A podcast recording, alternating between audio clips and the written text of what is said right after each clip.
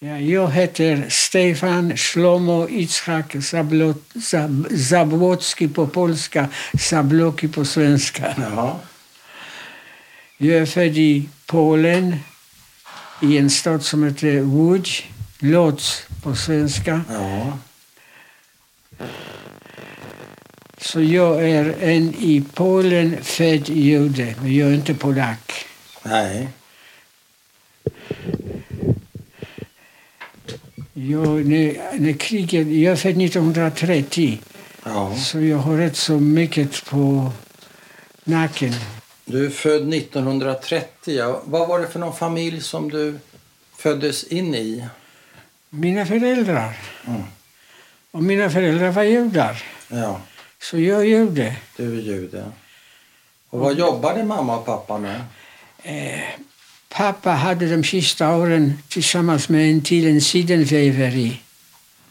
Hade du några syskon? Nej, jag, och det var kanske tur, därför vi är en mycket ovanlig familj. Vi överlevde alla tre. Ja. Och du menar, hade du haft syskon så kanske inte alla hade överlevt? Ja, visst. Ja, visst. Ja, man, man, man levde i en judisk omgivning Ja. i, i, i Lodz, eller Łódź. Men har du något första minne?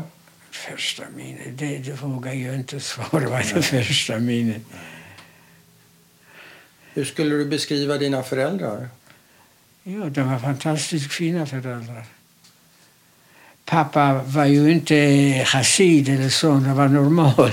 Men, Han var inte ortodox? Nej. nej, han var inte, men, men han gick till synagogan. De, de hade korser hemma och Ja. eh, hel, heldagarna. Och Pratar ni jiddisch? föräldrar sinsemellan pratade jiddisch. Mm. Men med mig pratade de antingen polska eller ivrit. Okej. Så jag kan bra polska Ja, och ivrit? och ivrit.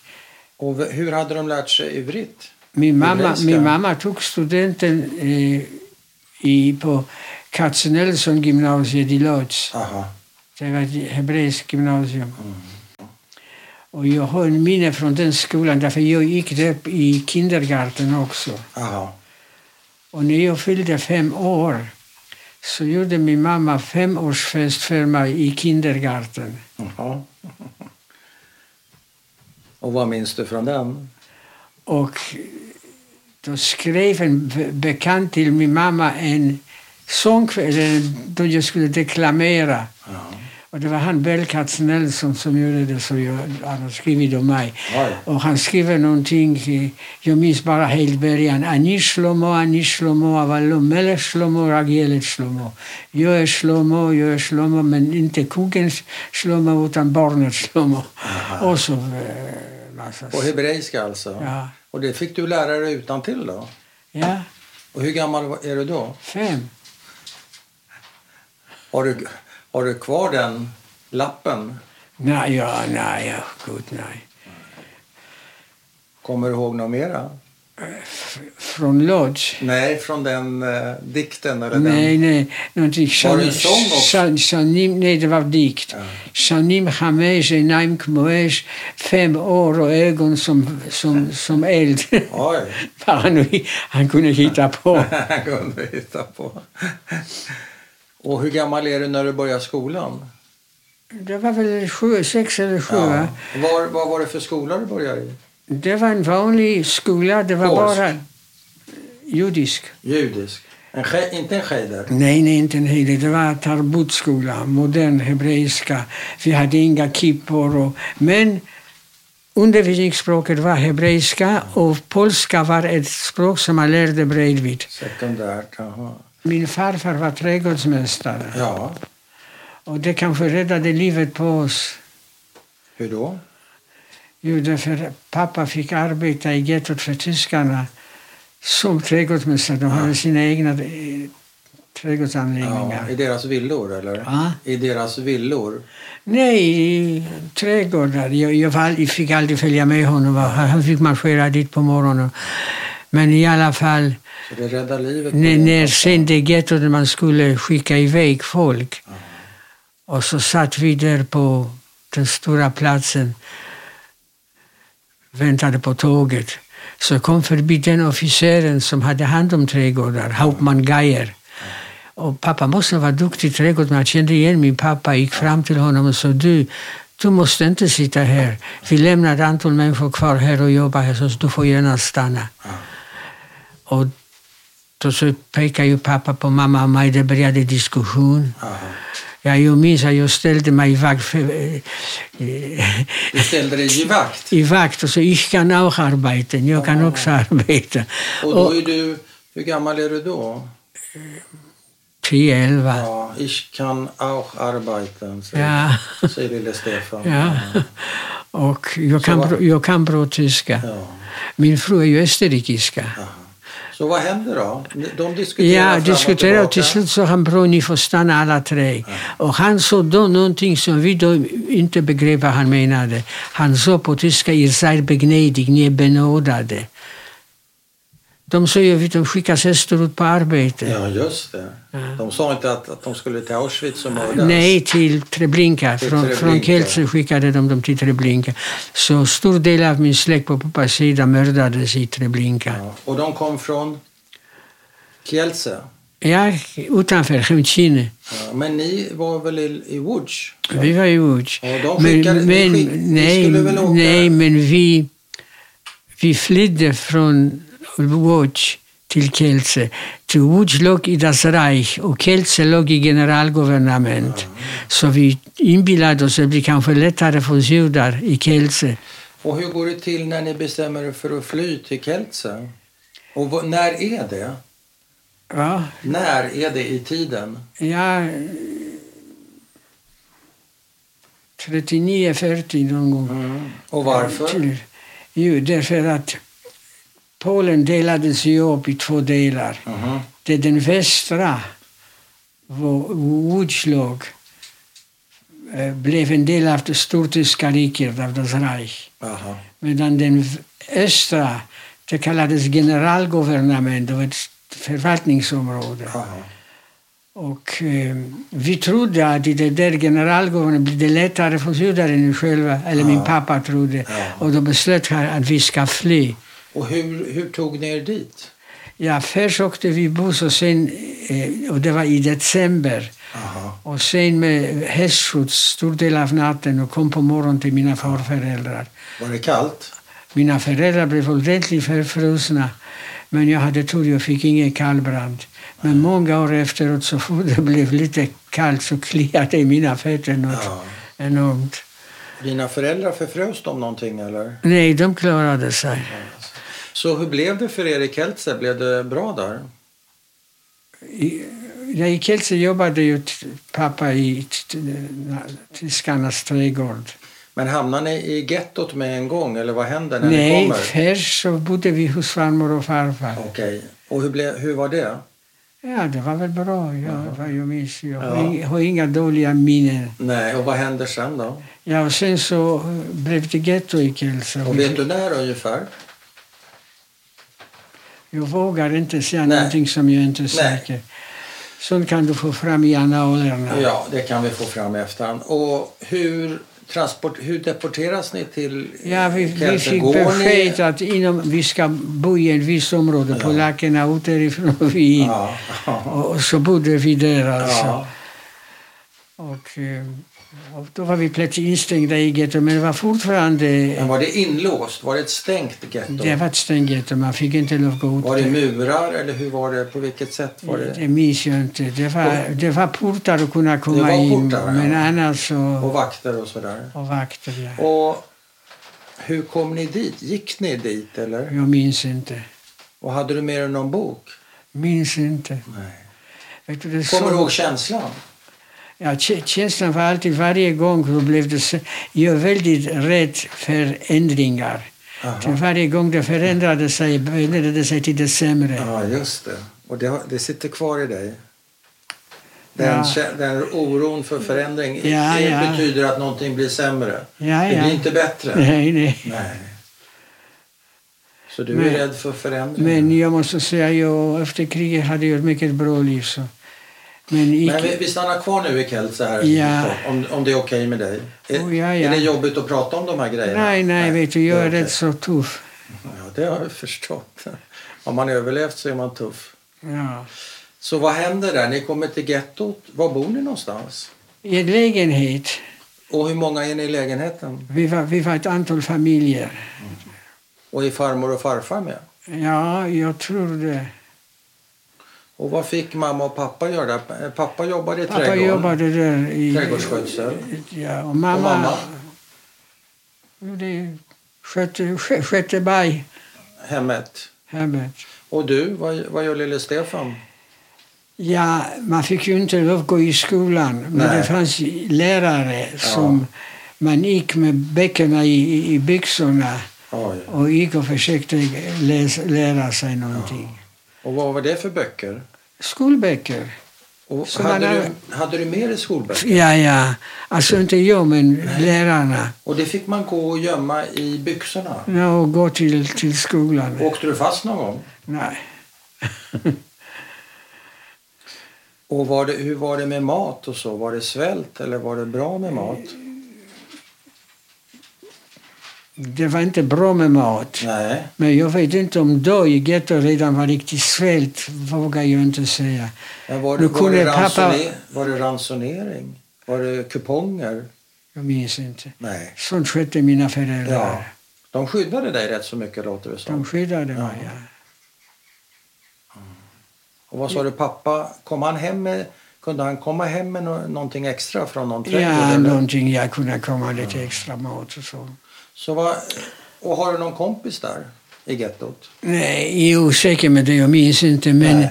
jag kan berätta med, det- med mat, det var ont om mat. Ja. Och då försökte vi, ett antal barn, att komma utanför gettot och smuggla in lite mat till gettot. Ja. Och, då, och där hade jag upplevelse med en polack. Aha.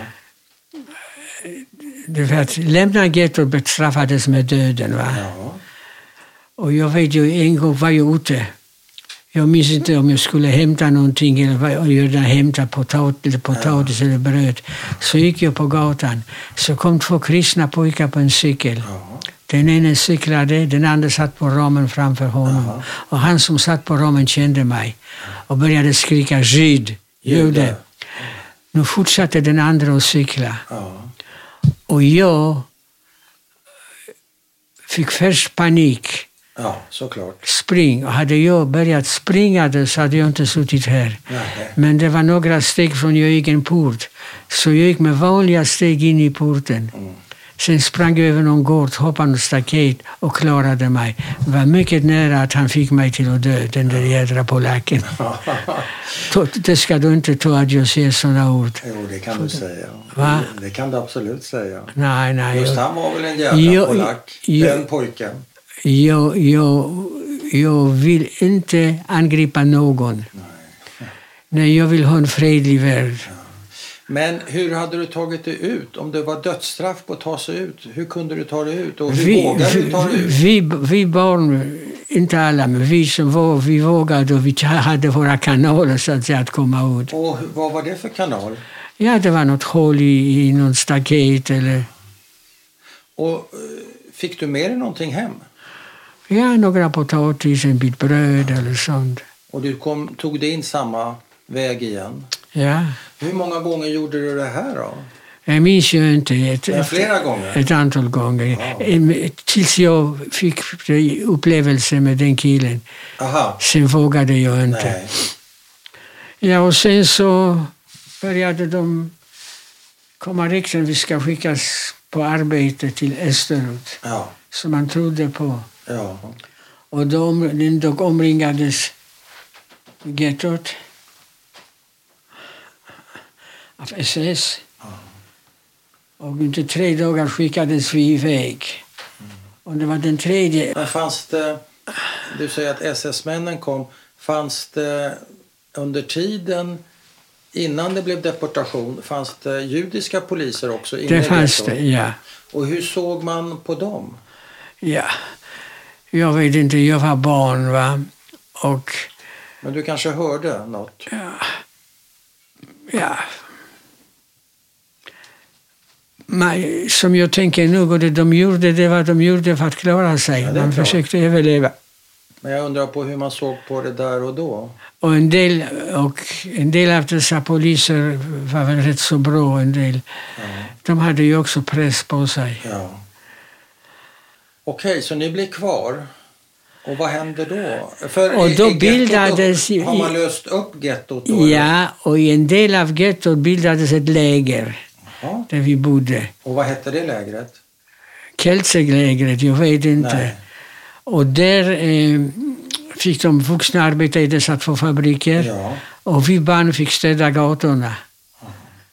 Stora kvastar, små barn och Ja. beväpnad vakt. Varför skulle gatorna städas då? De skulle ha något jobb för oss. Men pappa jobbade han i fabriken? I fabriken, ja. Så han, han slutade som trädgårdsmästare? ja, det, det, han fick sluta som trädgårdsmästare. Ja, jobba och ändå fick han vara kvar alltså? Ja, ja. Jag vet du, hela det att vi överlevde, det är ett, ett enda stort under. Är det så? I alla fall, vi var i det lägret ett år. Ett år? Ungefär så började det gå rykten att vi ska flyttas. Och vilket år? är det? Därför lägret var en del av stan. Den sämsta, den mest slitna. Ja. Men, det, men, men, men sen såg man att de byggde baracker med tak och drog omkring vid fabrikerna. Aha. Och så, en, och så att vi skulle flyttas dit. Ja. Och en dag fick vi samlas på den här stora platsen. Ja. Det är mitt va? Jag får, jag får fukta. Vill, vill du ha lite vatten? Eller Nej, det är bra så. Kaffe? Det är ditt kaffe.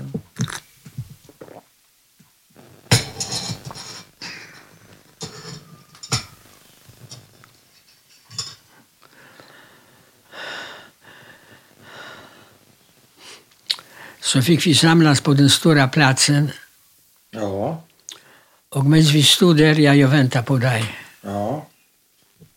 Och medan vi stod där så kände jag någon tog mig i kragen till ett hus där eh, vid den platsen och slängde in mig där. Judisk vakt? Eh, Nej, ja, det var nog en, eh, antingen en tysk eller en polsk eh, polis, men det var en tysk tror jag. Och, jo, därför jag talade tyska till honom, jag gick vill som. Jag vill till mina föräldrar. Ja. Och så slängde han in mig. ja. Och då kände jag på mig, det var inte bra. Och det, fanns, det var ett gammalt hus, så jag, jag gick upp på andra våningen. Aha.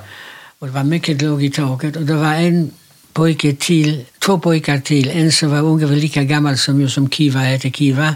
Ja. Och en liten sex- sexåring som hette Janusek. Ja.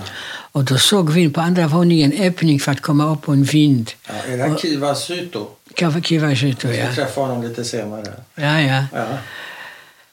Så får han berätta sin... Ja, var och en, be- det finns saker som jag berättar som man finns säkert berättar saker som jag inte Nej, minns. men så är det. Man kommer ihåg olika saker. Det är inget konstigt. Och eh, då såg vi den där vi- uppgången och vi häva, tog oss upp på den Jaha. vinden. Ja.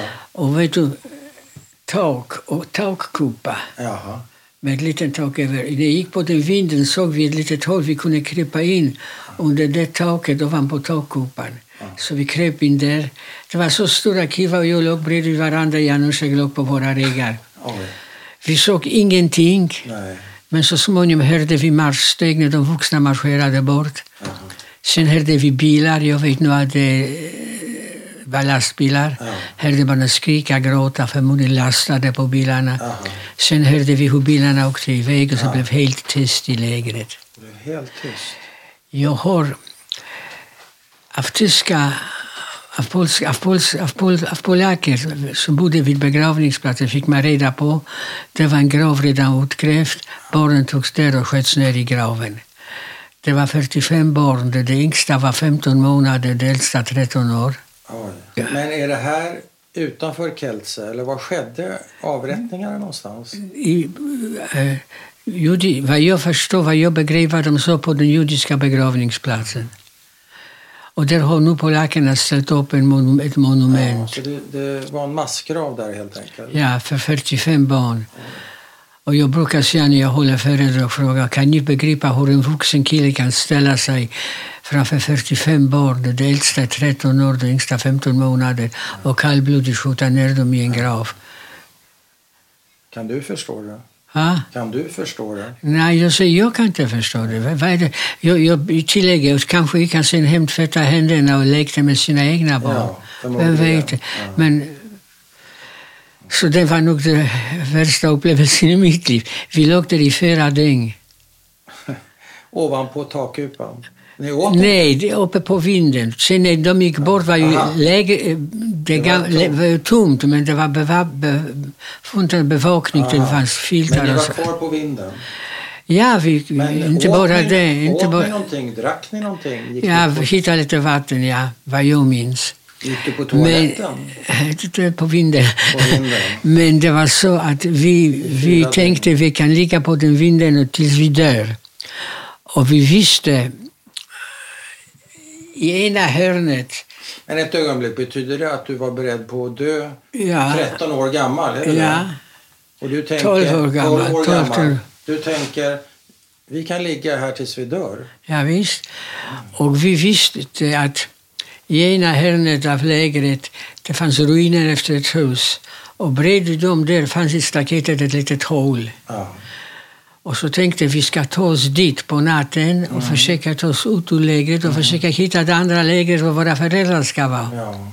Och så gjorde vi det och det var jobbigt därför de svepte med strålkastare över lägret.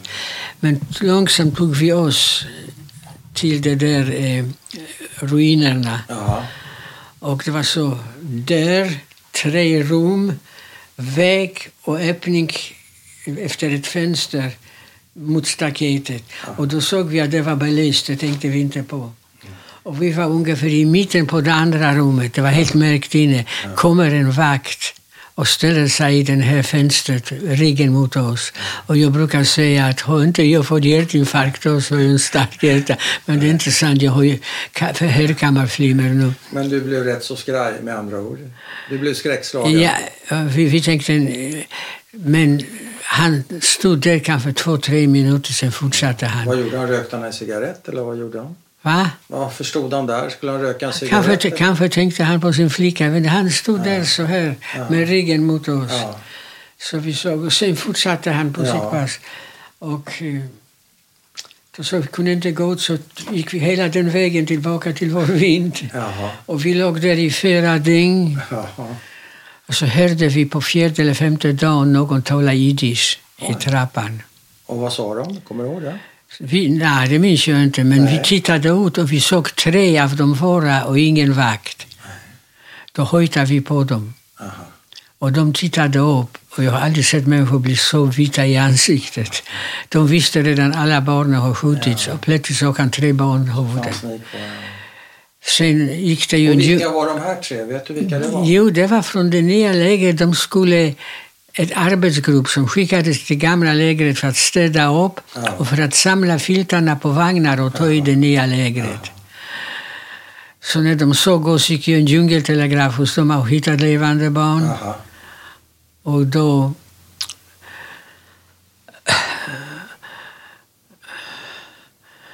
Jag måste ta en paus. Ska vi ta en paus? Ja, nej, bara så. Vill du ha lite kallt vatten kanske? Nej, det är bra. Är det säkert? det bittra håller en i vid livet. Det- Ja, så fick jag inte med detsamma träffa mina föräldrar av de andra eh, fångarna därför att mina föräldrar visste redan i fyra dygn jag är död, sagt kaddish efter mig Oj. och så hade jag kommit, hej, här är jag. Så hur går det till när ni träffas igen då? Ja, jag fick, det, det fick då några timmar, vi fick inte lov att träffa dem av de andra fångarna tills de fick de inse att jag lever. Va? Oj. Så det var någon annan som berättade först? Ja, visst, och det, du vet också. Och sen var det underbart att träffa dem, som du förstår, men det var jobbigt att träffa de andra föräldrarna. Ja. Man kunde se deras ögon, varför är det inte min? Nej. Det var nog det starkaste upplevelsen jag har från lägren. Va? Du kommer ihåg deras blickar och deras Ja, ja. Deras Det, det, det, etsade in, det etsade in sig. Aha. Ja, vi var där också omkring ett år. Och då var jag... Vilket år är vi framme vid ungefär? Ja, jag fyllde då 14 år. 30, 1944 då. 44, ja. Men är ni gömda i det här nya lägret? För ni Nej, ska nej. Inte finna, ni ska ju inte finnas. Nej, Ni ska ju vara döda. Ja, visst, men det fanns ju mellan fem och tio barn från polisen som fick stanna. Ah. Och det liksom smälte vi Så in. Hade de den- inte lämnat något barn hade vi ingen, inte chans, någon chans. Alltså det var alltid tillfälligheter. Va? Ja, det kan man säga. Men livet är tillfällighet. Ja, visst. Ja, och sen en dag fick vi marschera ner till järnvägen, lastades upp i järnvägsvagnar, satt där utan tak. Ja. Och tåget godsvagnar. Ja, ja, ja. Och tåget gick länge väl. Tills vi kom till en lång byggnad i röd tegel med valv Aha, och en ramp och tåget åkte in där och det var Auschwitz. det var Auschwitz.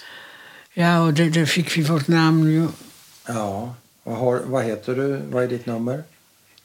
Du, jag har det som... eh, För att öppna min dator så är det min kod. Okej, då ska vi inte säga det. Det var Ja. ett nummer. Ja, det är ett nummer Men- men- som men- du inte glömmer. Nej, Nej. det var jag. Jag tittar här. och... eh, Ja, sen kom vi in i Auschwitz då.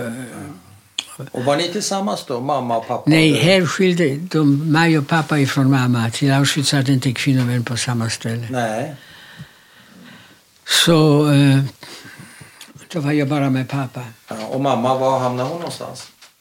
I ett annat läger i Auschwitz. Ja, Okej, fortfarande Vi Auschwitz. var i Birkenau. Ja. Och är det någon selektion där? Ja, nej, i och med vi kom från redan selekterat läger. Barnen blev redan skjutna innan. Va? Jaha. Så vi, vi gick alltid igenom en selektion. Bara gick in på någon plats, sandig plats där vi fick sitta och vänta. Ja. Och sen så fick vi klä oss nakna. De klippte allt hår Ja. och fick våra pyjamas, som jag kallar det. Fångkläderna. Ja, och, och, och våra nya namn. Era, era tatueringar, ja. Så jag var i Auschwitz bara några månader. Va? Jaha. Och det är ju ett helvete. Andra vet bättre än jag, de vuxna, hur, hur det var. Va? Ja, men du har ju din berättelse. Ja. Jag vet inte. Man tackade va- varje, varje timme man levde till så var man glad. Varje timme. Ja, visst. Var det så från timme till timme till Man timme? levde från timme till timme. Så uppfattade jag det. Ja. Därför man visste inte vad hände med dig om en timme. va? Nej. Jag vet en gång var det några som flygde från vårt läger. Aha. Och det tog ett antal timmar att infånga dem. Ja. Då stod hela vårt läger i vakt. Och ramlade man så sköts man. Så det var så småningom en hög av lik. Oj. Och min pappa stötte mig så jag klarade det. Hur länge stod ni så där? Ett fem timmar tror jag. Eller Ja. så där. Ja, och sen så var det så att de tog ett, en transport från Auschwitz. De behövde ju all arbetskraft 1944. Så de tog en transport från Auschwitz att jobba. Och vi pappa och jag hade mycket tur, massor med tur, enormt mycket tur, ännu mer tur och lite skicklighet vi kom med i denna transport. Aha. Så de lastade in oss i boskapsvagnar och vi kom till ett stort läge till Neuengamme Ja. utanför Hamburg. Aha. Stannade bara en timme och fortsatte söderut, tror jag, till ett dotterläger till Neuengamme i en stad som heter Braunschweig. Ja. Och där jobbade vi på en lastbilsfabrik. Och eh, ja, 12 timmar om dagen. Ja. Det, det var eh, ett jäkla liv. Men gick det bra för dig där eller råkade du illa ut någonting? Nej, jag vet att de satte mig på ett jobb där man skulle en konvex bricka på, på axeln Mm. hamra in, Mhm. slät, Mm. leden svag. Mm. Vet du, när jag kom till Sverige, jag växte inte hela kriget ju. Nej. Du växte inte någonting? Nej, nej. För att du inte fick mat eller varför? Ja, ja, förmodligen.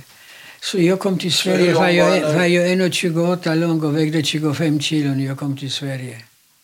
Och då är du 15 alltså år 15 år gammal och Ja. en gång till, du är 1,21 1,28 lång, ja, 1,28 och väger 21 kilo. 25 kilo. Ta inte bort de fyra kilona för Nej, mig. jag ska inte ta bort några kilo från det. Ja, så... ehm, Så Men på så, så jag slog sönder några brickor. Ah, Så antingen så de jag har gjort sabotage, då hänger de mig ja. några dagar innan jag i alla fall dör. Eller jag får ett annat jobb och jag fick ett annat jobb. ja. Jag fick en kvast i handen, fick gå 12 timmar om dagen och städa i fabriken. Så jag brukar skoja och säga till ungdomarna jag håller föredrag. Jag är nog världens bäst utbildade fabriksstädare. Ja. Ja. och där var vi. Och pappa, vad gjorde han? Han jobbade där vid några maskiner och sånt. Mm, du vet inte närmare? Nej.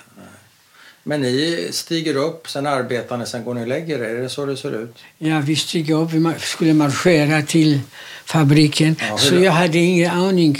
Nej. Och vet du, jag sov när vi marscherade. Jag behövde varje, varje minut sömn. Så höll pappa i handen, marscherade och sov. Kom jag ur takten så. så, så, så, så, riktade han i mig. Jag kom in i takten igen. Vad hade ni för några sk- skor på er? Jag minns jag inte. Och hade du någonting annat än eh, pyjamasen, den här fångdräkten? Jag tror bara det, underkläder kanske någonting. Men när, när, när fick ni mat? På morgonen innan vi marscherade till jobbet så fick vi så kallat kaffe. Ja. Aldrig sett en kaffeböna, men Nej. det var varmt och en bit bröd. ja. Sen mitt på dagen fick vi en soppa I fabriken? i fabriken. Och sen på kvällen när vi kom tillbaka till lägret fick vi igen en sån där kaffe med en bit bröd. Och det var det hela? Det var det hela. Vad- och Som hur långt var du att marschera fram och tillbaka där? En, jag vet inte. Nej, det vet inte. Du sov, så du kanske inte vet. det var inte så långt. Och Och jag med, hur tog du hand om hygienen? Duschade ni någonting och sånt där? Fanns det dusch? minns jag inte. Nej, pappa tvättade mig. Han hade en liten äh, kärl som tog vatten och tvättade mig. Han tvättade. Ja, och sen så... Vi var där nästan på, till mars eller sånt. Och då började fronten närma sig. Mars 45 är vi framme i nu. Ja, ja. Mo- och fronten närmade sig. Vi hade ingen aning om eh, 6 juni, alltså invasionen. Men vi, i mars kunde man höra på långt avstånd tung artilleriskydd. Och en dag fick vi... Jag tror att det- beslutet i Vanse, då vet Ja, jag, ja. hade högsta prioritet. Vi ska utnyttja så länge det gick, men vi ska inte överleva. Nej, ni fick inte överleva. Och en dag fick vi marschera från Braunschweig till Vattenstedt, det tror jag tre mil. Ja. Och när gamla tyskar säger till mig vi visste ingenting så tror jag dem inte. Till vi marscherade förbi småstäder och byar. ja. Halvdöda människor. En liten pyss som jag i fånguniform. Och dessutom för att riktigt förolämpa oss så klippte de inte håret på oss utan så brett som en eh, ma ma maskin. Ja. Det plockade de ut. Bara Resten- i mitten Ja, alltså? och resten var borta. Men det sett vansinniga ut. Och två kärror med sådana som stupade på vägen efter kolonnen. Och vi kom ju förbi småstäder och byar, de såg oss ju. Säg, vi kunde inte göra någonting, de hade en terrorregering. Men säg, vi visste ingenting. Nej, ha, det är något ha, ha, ha, ha. Det tror du inte på? Ja. Nej. Ja, och så var vi i den Vattenstedt kanske en dag, då, så igen fick gå ner till järnvägen och lastade oss i boskapsvagnar. Jag tror över hundra man i en vagn. var väldigt, var väldigt trångt. Stängde dörren och tåget gick österut, bort från fronten som närmade sig. Vi skulle inte befrias. Nej. Och det är också en stor upplevelse. Vet du, det var väldigt trångt, men pappa lyckades sätta sig så här på golvet. Mm. Och jag låg ut med honom med mitt huvud på hans vänstra lår och sov. Då somnade pappas fot. Han väckte mig, res på dig, så reste mig. Och pappa masserade. Och du kan tänka situationen. Jag var hungrig, jag var törstig, jag var trött och jag var sömnig. Och jag var inte, för en gångs skull frös jag inte för alla dessa människokroppar. Och, så var jag, och pappa masserade och sa Stefan, lägg dig. Och jag sa nej. Och pappa skäller på mig, lägg dig. Jag sa nej. Vet du, då, de allierade sköt ju på allvar som rörde vägar och järnvägar, störde logistiken ju. Så gick ett sånt flyg över oss. Ja, det var ett antal döda i vagnen. Pappa fick en kula, tog tummen, gick in i låret upp på andra sidan. Så hade jag lett pappa och lagt mig så hade jag fått den kulan i huvudet. Så allt är tillfälligheter. Men varför sa du nej? Varför ville du inte lägga ner? Det jag inte vet. Du vet ingen aning. Du Ingen- vet inte? Jag vet inte. Jag vet bara så nej. Du sa nej. Du, du lägg dig, du, du kommer ju svimma. Ja. Lägg dig. Nej. Det var inte om, omtanke om din pappa som ju hade en somnad fot. Det var inte därför du inte ville lägga dig? Nej, nej, Nej, jag, jag, stod, jag stod där och, ja, och sen så kom vi då fram till ett läger, Ja. Ett till. Ravensbrück, där vi för första gången fick Röda korspaket. Jaha. Och det räddade nog livet på min pappa, till jag blev plötsligt pappas pappa och pappas läkare. Jaha. Och där hade ju torrmjölk och konserver och, Ja. och cigaretter. Och det var det viktigaste. Till det enda jag kunde göra med pappa så det var att tvätta ut dem med vatten och lägga nya trasor. Ja. Och för cigaretter kunde jag köpa trasor. Och hur var det med pappa då? Ja, han hur var, dålig var han då? han var dålig, han var mycket Han dålig. var dålig. Och, eh, Så då tog du hand om honom istället för tvärtom? Ja, visst, jag blev pappas pappa och pappas läkare. Och vi var där i... För Berlin hette orten och hette... det- En vecka eller sånt. Ja. Och jag, och jag är inne nu i första maj, tror jag, andra Ja. maj. Då stod vagnar på, i lägret, Jaha. så vi fick gå upp och sitta. Och sen mot kvällen jagade de ner oss i barackerna. Så de som kommer i barackerna, ut med näsan så skjuter vi. I alla fall så för Berlin, det var bara till att utrota oss. Jaha. De jagade in oss i barackerna. Mm. Och kommer bara någon ut med näsan så skjuter de. Ja. Så vi satt där, men sen gick någon tidigt ut på morgonen och då har de flytt istället. Tyskarna har flytt. Och sen, så där vid, på morgonen kom in i läger konstiga fordon, jag har inte sett tidigare, det var jeepar med amerikanska soldater. Aha. Och vi hade inte ens ork att glädja oss. Nej. Men eh, de, de tog väldigt väl hand om de sårade och sjuka.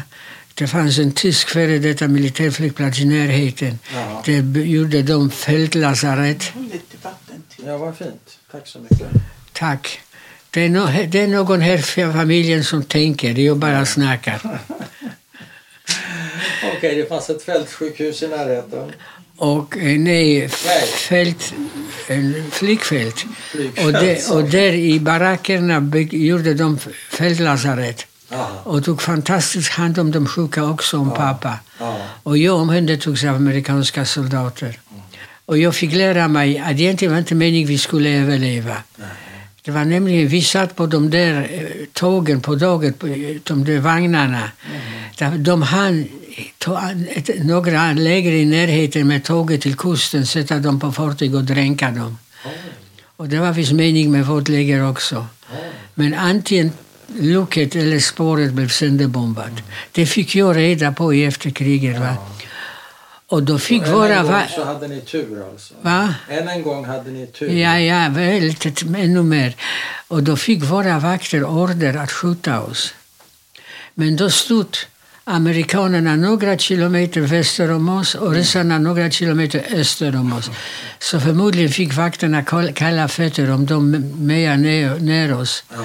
Och eh, blir tagna så har man direkta bevis mot dem. Ja. Så istället jagade de ut barackerna och flydde. De flydde.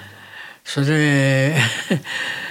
Och hur kommer ni till Sverige, pappa? Jo, jo det, du, ja, vi kommit så långt nu alltså att vi blev befriade.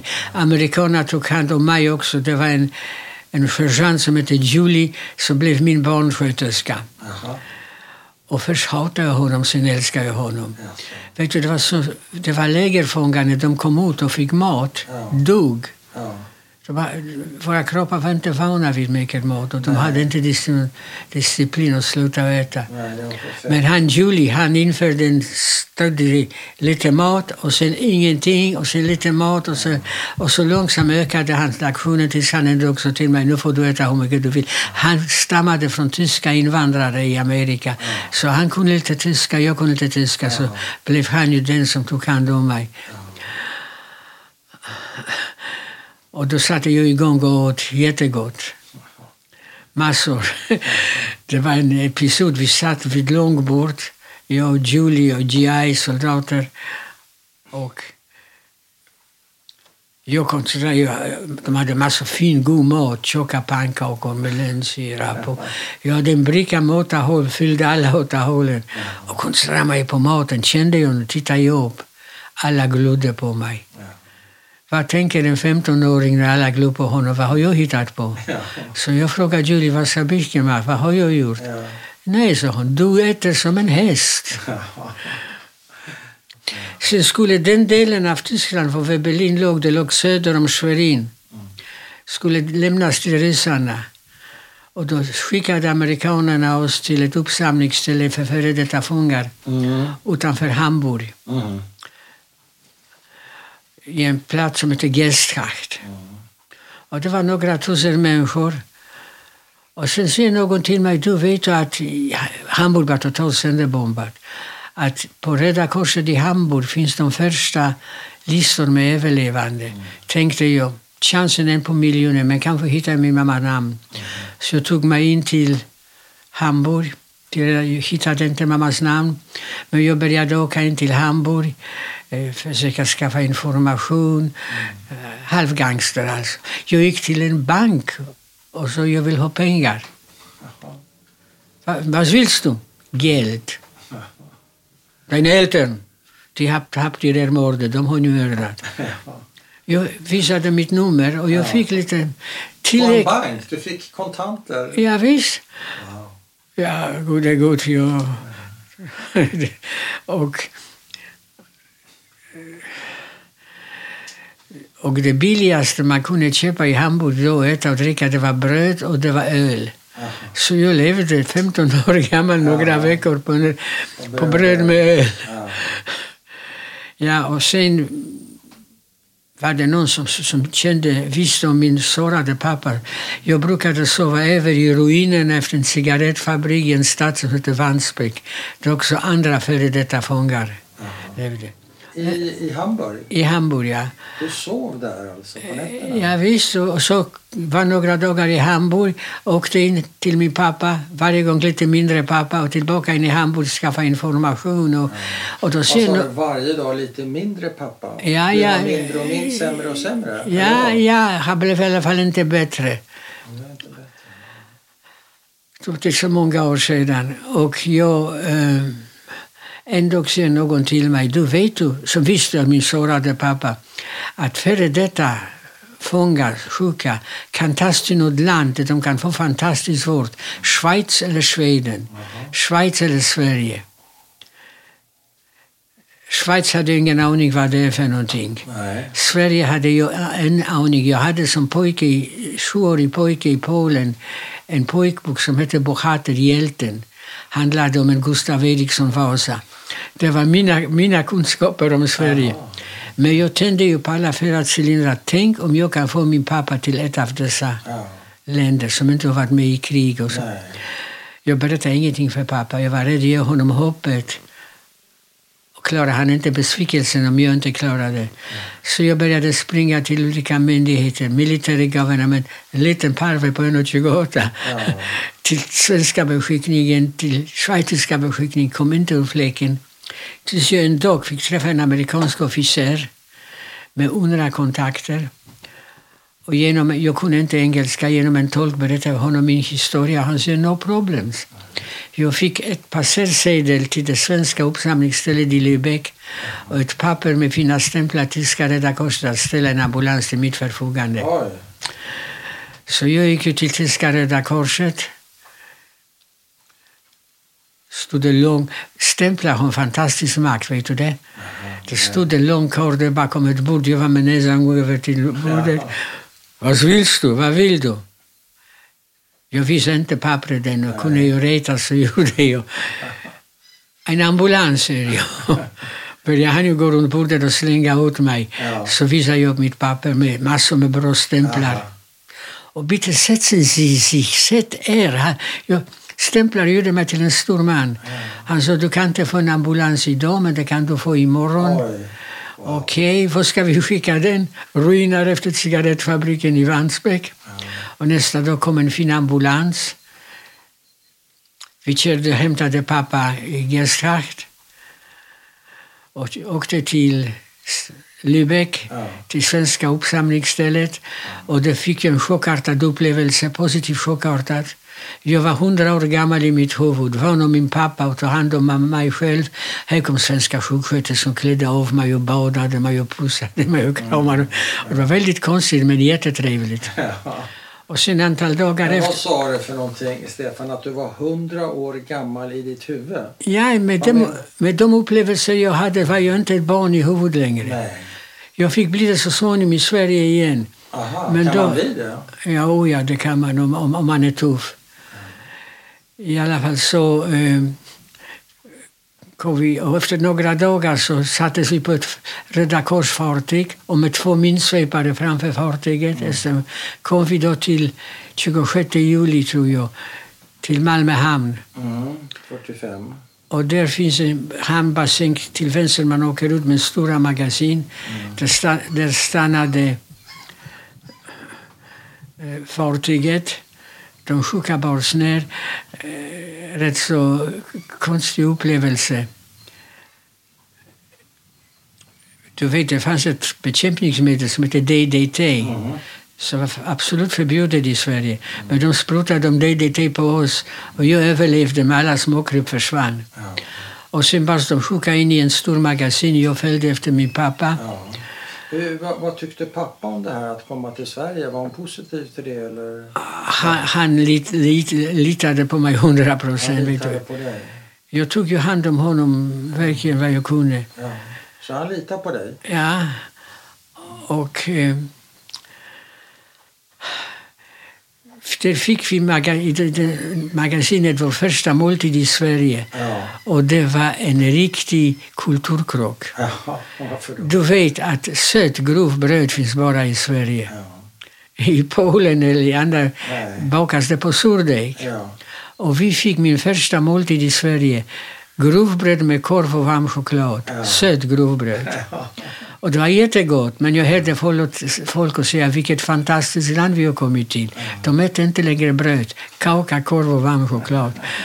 Jag måste lägga in dessa saker också för att lägga på spänningen när jag talar för barnen. Va? Sen kom en massa ambulanser. Chokladades ambulanserna. Jag följde efter min pappa i ambulansen. Ja. Och den körde in till Allmänna sjukhusets området. Det var också roligt. Det hette SUS, NUS. Ja. Skånes universitetssjukhus. Och SUS på hebreiska heter häst. Ja, ja. Och där eh, lastade ambulanserna och körde till Allmänna sjukhusets område. Ambulansen stannade, dörren öppnas.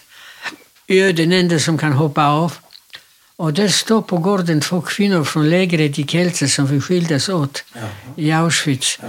för att hjälpa till. Så, som också överlevde. Ja. De tittar på mig och säger Stefan, är det du? Ja, din mamma är i Sverige.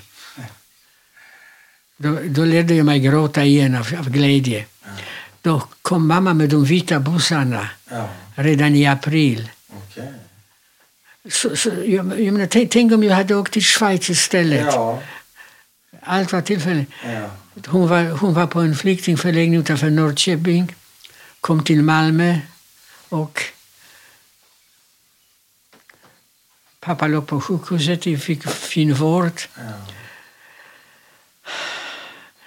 Och vi började leva ett normalt liv. Jag började gå i skolan. Jag hade väl tre, knappt tre år folkskola bakom mig. Ja. Jag gick en månad i folkskola och sen provade jag på realskolan i Malmö. Malmö realskola för gossar. Mm. Och det tog realen på fyra år ju. Jag tog den på tre år. Med sämsta betyget i Sverige, svenska man kan få, men det fick jag lov att ha. Efter tre år tog jag realexamen. Vet du, det var en grå mössa ja. och eh, ingenjör och fortsatte då på högre tekniska läroverket i Malmö. Vi var fattiga, jag kunde inte gå. Tänkte högre får jag min studentexamen, jag får också ett yrke, ingenjörs, ingenjör. Hur, hur kan man förstå det som inte går att förstå? Man kan inte förstå. Nej, men hur ska man leva med det som inte går att förstå? Jag, flera sådana som satt i lägret har, har levt hela sitt liv i läger, läser alla böcker, ser alla filmer. Det gör inte jag. Nej.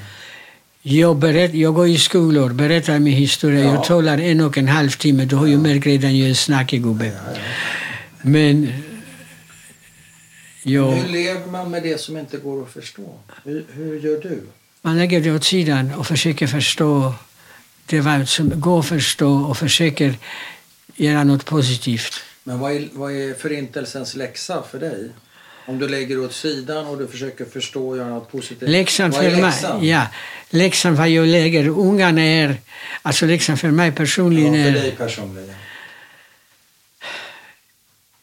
titta inte bakåt, tyck inte synd om dig själv, arbeta på att vara en normal, bra människa. Och sen till ungarna säger jag, man ska aldrig, först och främst ska man bekämpa det onda i sig själv. Till alla har vi en liten nazist i oss. Sen ska man Vad betyder det att alla har eh, Jo, därför vi-? Vi ofta, betyder det? jo, det betyder att om vi inte är på vår vakt så kan vi falla in i mycket otrevliga situationer. Ja. Därför att, Så du tror inte på att det finns onda människor och goda människor? Utan det finns människor som, både, som har möjlighet till både att göra goda Ja. saker och göra onda saker? ja, ja, ty jag har sett både människor som trodde var dåliga och gjorde bra saker, människor som gjorde, skulle vara bra och gjorde dåliga saker, beror på omständigheterna.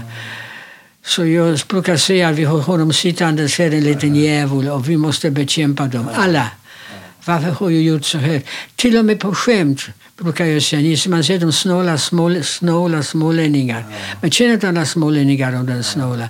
Men om man upprepar det tillräckligt många gånger så tror man att det är Är sant. det sant? Men hur gör du, om vi ska vara lite personliga, Ja. Stefan, hur gör du personligen för att bekämpa nazisten i dig? När jag, när jag, när jag tänker så finns att, så, oh, alla invandrare. Stefan, akta dig. Det finns inte alla invandrare. Det finns människor som har vandrat in, vissa som är bra, vissa som är dåliga. För Försöker, du jobbar hela tiden jag jobbar på detta, ja just det. Och För du är sen, rätt så ung här uppe, ja hoppas jag. låter det som. Om Hoppas du, om jag. du håller på så, då är man ung, Ja, vill jag påstå. och ja, Känner du dig ung? Alltså känner du dig mentalt ung? Ja, ja, det gör jag än så länge. Jag kan sex språk till exempel, så när jag hör ett ord så försöker jag, är det på det språket, det språket, det språket, det Så språket. du håller dig igång. Ja. Och jag har ju, Men hur tänker du på hämnd, hat, förlåtelse? Det är ju tre begrepp som lite grann först, först tog hatet. Ja. I början hatade jag dem. Hata vilka? Nazister, Nazisterna, tyskar, tyskar. ty- tyskar. Men sen kom jag underfund med att det hatet gjorde mig inte bättre än vad de som hatade mig. Och då kom jag till slutsatsen, hata aldrig. Bedöm varje människa individu- individuellt. Är det en bra människa, dålig, klok, dålig? Är det en bra människa så kan det vara, till... Till varje grupp finns goda, dåliga, kloka och dumma. Ja. Och så det bedöm aldrig grupper, bedöm alltid individer. Det försöker jag hamra in i ungarna. Men hur ser du på förlåtelse då? Har du kunnat förlåta det som du var... Förlåta kan man inte, men man, därför att jag har inte fått eh, tillåtelse för de döda att till, förlåta. Men, Du har inte fått tillåtelse av de döda att förlåta. ja, men jag kan umgås med dem om de är bra människor. Vilka döda tänker du på när du säger att du inte har fått deras tillåtelse? Sex miljoner döda judar till exempel. En och en halv miljon barn. 45 barn i Kielce som blev skjutna. Ja, Barn. ja, som hade kunnat varit du. Ja, som kunde själv få barn och få barnbarn och bli Ja. och föröka sig. Ja, Ja. ja.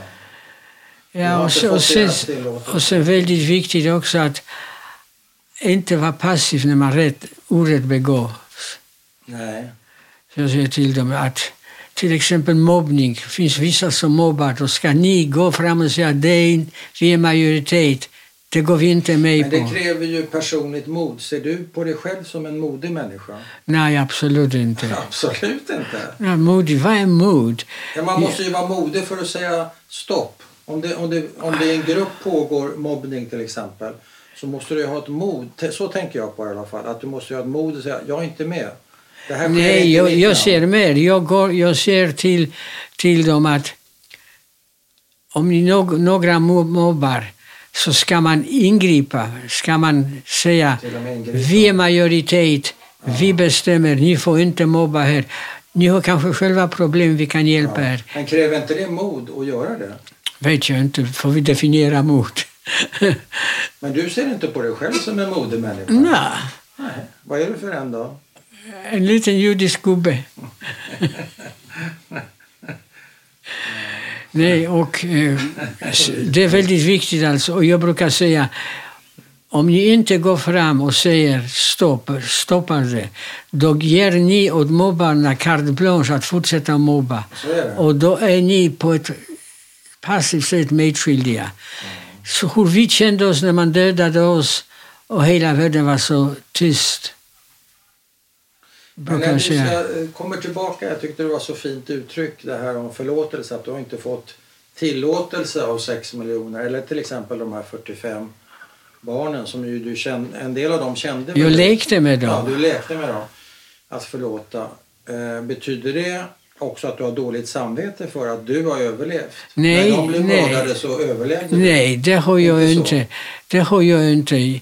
Därför, sa, var och en av oss som har överlevt har besegrat dem på ett sätt. Ja. Varje, när jag var i, varje dag som jag levde ännu har jag besegrat dem. Till de ville döda mig, jag lever fortfarande. Jag hade den synen på det. Va?